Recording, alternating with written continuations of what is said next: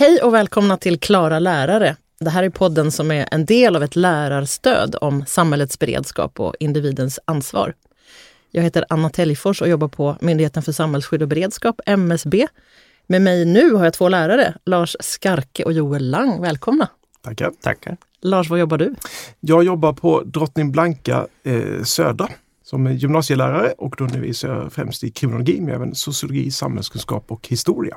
Oj, det var brett. Det var brett ja. Ah, spännande. Mm. Du kommer ha mycket att säga här idag. Mycket att säga. Joel, vad är du lärare i? Jag är idrott och hälsa-lärare på en skola ute på Lidingö. Vittra heter den. Jag har från förskoleklass hela vägen upp till nian som jag undervisar. Vi ska alltså prata om ett aktuellt ämne som inte rör förskolebarnen så värst ännu, men den här frågan om samhällets beredskap då och individens ansvar. Och då, då har vi snackat i den här poddserien om landets 16-åringar särskilt. Eh, för dem blir det här lite personligt, för när man bor i Sverige och har fyllt 16 så lyder man ju under totalförsvarsplikten och kan man kallas in för att hjälpa till på olika sätt. Som poddserien Klara färdiga också visar. Det här eh, tänker vi har tydlig koppling till läroplanen i både gymnasiet och högstadiet, både i de inledande kapitlen och i flera kursplaner också. Svenska, samhällskunskap, idrott och hälsa som du nämnde där Joel, bild också och hem och konsumentkunskap. Och vi på MSB har då tagit fram ett lärarstöd för att prata om de här frågorna. Och vi gör det utifrån ett lite annorlunda perspektiv eftersom vi har skapat det här ljuddramat Klara färdiga för landets 16-åringar. Och där får vi följa en grupp, eh, ni har ju lyssnat, en grupp ungdomar i en situation där samhället utsätts för stora påfrestningar. För det försvinner ström, det går inte längre att betala med kort. Och, ja, vi kan lyssna lite på hur det låter. Så vi har faktiskt inget vatten. Ingenstans. Tror du bara det är här? Eller hela stan? Ingen aning. Det får vi ta reda på.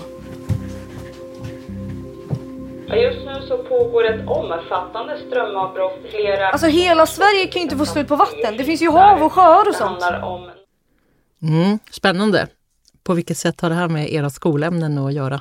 Idrott och hälsa till exempel, Joel? Ja, alltså det går ju att koppla mot eh, friluftsliv och liknande saker om man säger så. Till exempel så det här med eh, hur man tar sig an i natur och överlevnad egentligen kan man koppla det mot trianglar kök och hur man använder och kokar vatten och lite sådana saker. Men även generellt hur man samarbetar i situationer. Egentligen så går det att koppla mot ganska mycket av idrott och hälsa. Hur kan man träna samarbete på idrottslektionen? Ja, alltså till exempel som när vi gör aktiviteter så är det ju ofta så att vi gör det tillsammans till skillnad från kanske andra teoretiska ämnen som har mer individuella saker. Jag jobbar väldigt mycket praktiskt för jag tycker att ämnet ska vara praktiskt. Och då blir det lättare för eleverna att motiveras. Det finns eh, aspekter som går att koppla mot eh, de kanske mjuka värdena i skolans värld, till exempel fostransuppdraget. Vi vill skapa empatiska och engagerade samhällsmedborgare. Liksom. Och det går ju verkligen att koppla mot den här med överlevnad. Mm. Samhällskunskap då, om vi tar det eh, av dina ämnen Lars. Mm. Hur kan man koppla det här med beredskap till samhällskunskap? Jag tycker man kan göra det på ganska många olika sätt. Dels har vi det här med hur, hur Sverige styrs och faktiskt fungerar är en väldigt viktig del i samhällskunskapen. Att få en, en djupare förståelse för det, hur olika myndigheter agerar i olika situationer och lagstöd och, och även politiska aspekter och så. Så det kan man definitivt diskutera. Eh, tycker jag är väldigt viktigt. Men sen finns det andra delar i samhällskunskapen som man kan koppla också. Just det här med, med medborgarskap, vad innebär det att vara medborgare? Vad har man för rättigheter? Vad har man för skyldigheter? Vad kan man förvänta sig av staten? Men även vad förväntas jag som medborgare att kunna mm. bidra med? Eh, så det är jättemånga viktiga frågor att, att ta upp, mm. absolut. Har du många i dina klasser som kommer från olika länder? Ja, det har vi absolut. Vi har en väldigt stor bredd på vår elevgrupp eh, och där kan det komma folk med, med väldigt olika erfarenheter och man har sett saker från andra håll av, av världen. Och, och just de här sakerna tror jag kan vara en ganska bra grund för att bredda diskussionen. Man kan ja, utöver de här rent konkreta sakerna om hur Sverige styrs så kan man även diskutera olika världsproblem och internationella konflikter och ja, andra saker som också kan vara aktuella. Och, och låta eleverna jämföra och diskutera sina erfarenheter med varandra. Mm. Vad, vad, tror ni generellt att när man är 16 år att man känner att man kan hjälpa till med eh, om det blir en kris i samhället? Känner man då som 16-åring att jag är viktig? Jag tror att det är just därför som det är viktigt att ni kommer ut med den här informationen i det världsläge som finns. Det finns väldigt mycket alltså engagemang som man kan hitta i barn och ungdomar, bara man får dem engagerade. Om man ger barn möjlighet att växa så växer ju barn. Liksom, Mm. ett, eh, alltså, så tror jag i alla fall med min pedagogik. Och, jag, jag håller med det, du säger helt, helt och fullt. Att, att det är ett bra tillfälle liksom att, att växa och se andra saker. För att när man är i den åldern så tänker man kanske inte så mycket liksom på samhället i stort och det, det är inte så konstigt heller. Man kanske inte tar del av nyheter på det sättet riktigt. Så att det, det, det tror jag kan vara väldigt viktigt. Och det är ju ett av ämnena som är väldigt stort inom Klara färdiga-materialet, just källkritik tänkte jag på. Det är ju en viktig del av det här med kris och beredskap. Men också som ni redan har nämnt, liksom hur, hur staten är byggd och hur det svenska försvaret fungerar. Eh, Men vad det betyder just att så här, lita på myndigheter. Det som gör det så kul med att jobba med, med beredskap, eh, tycker jag, är ju att det är så otroligt mycket från våra beteenden, hjärt och lungräddning kan det vara, laga mat och Eh, liksom ta hand om djuren. Eh, men det finns ju etiska aspekter också, mänskliga fri och rättigheter. Helt enkelt väldigt så här, stort och brett område. Eh, på vilket sätt får ni lust att använda det här materialet då, Klara lärare? Blir ni sugna på att göra något speciellt med det? Absolut, jag tycker man kan använda det på flera olika sätt. Jag tror att man kan koppla det till flera kurser än, än specifikt samhällskunskap. Vi har ju kurser i kommunikation, vi har kurser i internationella relationer. Där kan det bli aktuellt. Eh, men om vi tar just det här med, med kommunikation så är det någonting som vi har diskuterat väldigt mycket med våra elever. Dels nu under den pågående eh, konflikten i Ukraina men även under pandemin. Det här med desinformation, hur ska man tolka det? Var, var hittar man korrekt information någonstans? Vad är sant? Vad är inte sant? Och, och mm, där behövs nog en ökad medvetenhet kring det. Det är lätt att det sprids olika, allt från konspirationsteorier till saker som, som eh, dyker upp på sociala medier. Hur ska man hantera det när man är 16-17 år gammal? Och det är ändå en generation som har varit van att hantera det, tänker jag, mer än vad vi har varit. Ja, det, de är vana vid det, men frågan är om de kan hantera det. Det är två olika saker skulle jag säga. Och jag tänker just där, var hittar man information någonstans och var får man korrekt information ifrån? Ja, jag håller med. Alltså, det, mångt och mycket så handlar det ju om att vi vuxna ska hitta vägar till intresse för nästa generation. Och eh, snabb information är ju inte den bästa informationen i krislägen. Eh, så det är ju någonting som den här generationen är van vid, blir matad vid snabb information och i många fall så är de ganska dåliga på den här med källkritisk granskning och liknande. Men Jag tänker det här med det snabba som de är vana vid. Eh, vi har gjort ett quiz eh, som heter Vem är du i krisen? Där man får svara på hur man själv skulle agera i olika situationer. Eh, nu när vi ändå pratar om det här korta och snabba. Liksom. Ni har ju gjort quizet. Mm. Va, Vad blev du Joel? Jag blev eh, fixaren. Ja. Eh, alltså, det var lite svåra frågor i vissa fall och man svarade utifrån hur man trodde själv. Men sen när krisen är där så då är det inte säkert kanske så att man är helt och hållet det. Men jag blev det i alla fall när jag gjorde den där. Ja, för man vet ju alla, det, kriser har ju så olika De är olika till sin natur och plötsliga. Så man är bra på att hantera ett, ett slags kris som fixar det så är det inte säkert att man är lika bra nästa gång. Nej, exakt. Vad blev du då Lars? Jag blev prepper. Mm, det gillar vi också. Vilket inte var så förvånande kanske för att jag, jag använder gärna det ordet om mig själv men eh, jag, jag har en eh, god hemförberedelse och, och haft under ganska lång tid. Och, och jag ser väl det dels lite som en medborgerlig skyldighet just för att om det är så att det kommer en större kris, då gäller det att de personer som har förmåga att ta hand om sig själva också gör det så att inte alla förlitar sig på myndigheterna för resurserna är begränsade. Och, och sen handlar det mycket om Ja, jag, jag kommer ursprungligen från en landsbygd och, och där har man ju någonstans inbyggt i samhällslivet på något sätt att man har en viss förberedelse. Jag växte upp med strömavbrott och sådana här saker. Det var inget konstigt. Där, där hade man en per automatik förberedelse för det. Nu bor jag i en lägenhet i Stockholm och då ser det inte ut på det sättet längre. Då måste man tänka ett steg längre.